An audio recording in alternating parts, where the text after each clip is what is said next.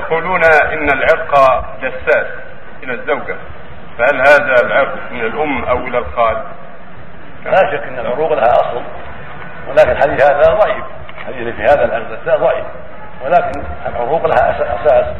ثبت في الصحيحين عن النبي صلى الله عليه وسلم أن رجلا جاء إلى النبي صلى الله عليه وسلم يشكو أن امرأته ولدت غلاما أسود يخالف لونه ولونها فاتهمها. وعرض بان ينفيه فقال له النبي صلى الله عليه وسلم هل لك من ابل؟ قال نعم. قال فما ألوانها؟ قال حمر. قال فهل فيها من اوراق؟ يعني أسود؟ قال نعم.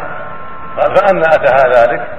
قال لعله نزعه عرق فقال لعل ابنك هذا نزعه عرق فالعرق قال له أصل وهكذا جاء في بعض الأحاديث عند تصوير تصوير النطفة أن الله يصورها.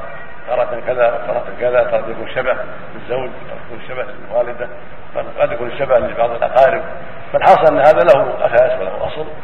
فينبغي اختيار العروق الطيبة والمناسب الطيبة عن الدين والخير والاستقامة والأخلاق الفاضلة.